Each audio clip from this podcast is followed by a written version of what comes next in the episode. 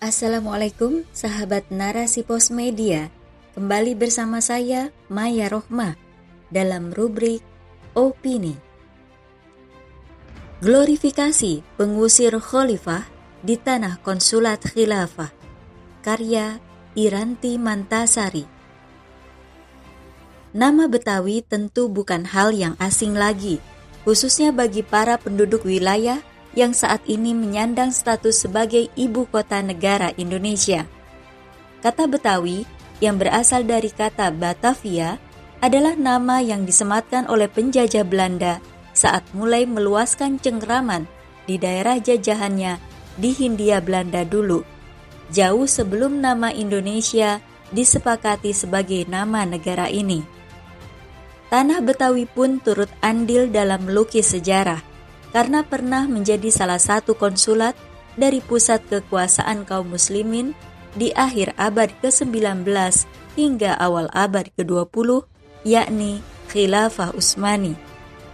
Niko Pandawa di dalam bukunya yang berjudul Khilafah dan Ketakutan Penjajah Belanda mengatakan bahwa terdapat 10 orang yang pernah menjabat sebagai konsul Utsmani yang pernah ditempatkan di Batavia dalam kurun waktu lebih dari 20 tahun.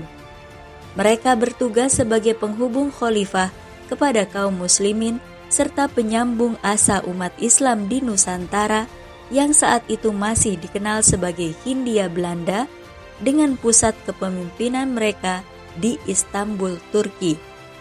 Penempatan konsulat Utsmani pertama kali dilakukan pada tahun 1882 di bawah masa Sultan Abdul Hamid II berkuasa. Beliau begitu dihormati dan senantiasa didoakan oleh penduduk Muslim di Nusantara. Itulah sedikit sejarah yang perlu diungkap ke tengah-tengah umat. Hanya saja, ada hal yang cukup menggelitik terjadi menjelang perayaan Maulid Nabi Muhammad SAW. Pasalnya, pemerintah Turki yang direpresentasikan oleh kedutaan besarnya di Jakarta mengusulkan penamaan salah satu jalan di Jakarta dengan nama Mustafa Kemal Atatürk. Hal ini disebut merupakan sebuah aksi timbal balik antara Turki dengan Indonesia, mengingat adanya nama jalan Ahmed Soekarno di Ankara. Aksi resiprokal seperti ini juga dikatakan sebagai bentuk persahabatan antara dua negara. Meski usulan tersebut masih bersifat rekomendasi dan belum mendapatkan ketukan palu sebagaimana yang diwartakan oleh CNN Indonesia. Nama Atatürk yang diusulkan sontak menjadi sorotan. Tentu saja hal ini disebabkan karena sepak terjang serta keterkaitannya dengan Islam dan umat Islam. Atatürk sendiri merupakan gelar bagi sosok yang bernama Mustafa Kemal yang memiliki arti Bapak Turki. Gelar ini jelas menunjukkan bahwa ia adalah peletak fondasi Republik Turki. Berawal dari karirnya di militer, nama Mustafa Kemal mulai dikenal oleh publik karena retorika serta pemikirannya yang dinilai brilian dalam urusan militer dan politik. Ia juga menjadi salah satu pentolan Turki Muda, organisasi kelompok sekuler yang menyuarakan kebebasan dan mendukung pemecah belahan di tubuh khilafah Utsmani kala itu. Dengan berbagai manuver liciknya, pada tahun 1909 mereka berhasil menurunkan Sultan Abdul Hamid II dari tampuk kekuasaan mengusulkan khalifah penggantinya yang sejatinya tidak memiliki kekuasaan mutlak. Sampai akhirnya mereka juga merombak struktur khilafah.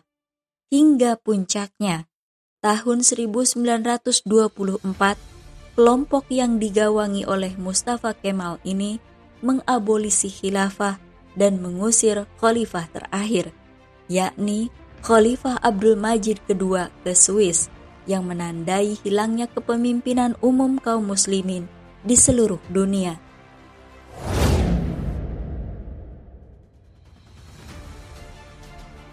Rencana penamaan jalan dengan nama Atatürk ini menunjukkan betapa terbaliknya logika pemerintah negeri mayoritas muslim ini. Di masanya, Atatürk secara sengaja membuat Islam jauh dari kaum muslimin di Turki dengan dalih memajukan dan memodernisasi Turki saat Atatürk menjadi presiden pertama dari negeri yang dibangun dari puing-puing khilafah Islam ini. Ia mengambil kebijakan yang sangat drastis bagi kehidupan umat Islam, seperti melarang azan dalam bahasa Arab, sholat tidak diperbolehkan menggunakan bahasa Arab, hijab juga dilarang untuk dikenakan bagi para muslimah, hingga berbagai kebijakan politik yang sangat sekuler. Andai saja penamaan jalan ini disetujui dengan nama pengusir khalifah itu, maka hal tersebut menandakan kuatnya pengaruh ideologi sekuler di negara dengan penganut Islam terbesar di dunia. Sekularisme ditancapkan untuk menjauhkan kaum muslimin dari agamanya, yang salah satunya termanifestasi dalam pengaburan tokoh-tokoh muslim lain yang berpengaruh dan malah memunculkan sosok yang secara nyata memusuhi Islam.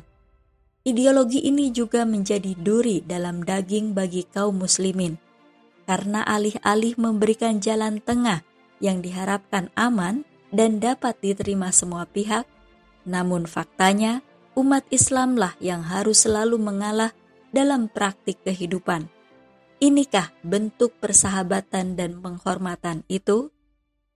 Maka dari kehebohan ini menjadi penting bagi umat Islam untuk memahami sejarahnya sendiri, yang tentu harus didapatkan dari sumber yang benar dan terpercaya, agar tidak mudah terbawa arus opini umum yang sebenarnya menyesatkan. Sebagaimana glorifikasi akan tokoh yang menghancurkan institusi penting umat Muhammad Shallallahu Alaihi Wasallam ini. Adapun bagi mereka yang memiliki kuasa di tangannya agar benar-benar mengambil kebijakan yang didasarkan pada sudut pandang agama. Jangan sampai momen mulia kelahiran baginda Rasulullah Shallallahu Alaihi Wasallam justru tercoreng dengan diangkatnya nama penghancur sunnah politik beliau sebagai nama jalan yang akan dilalui oleh banyak manusia. Wallahu a'lam bishawab.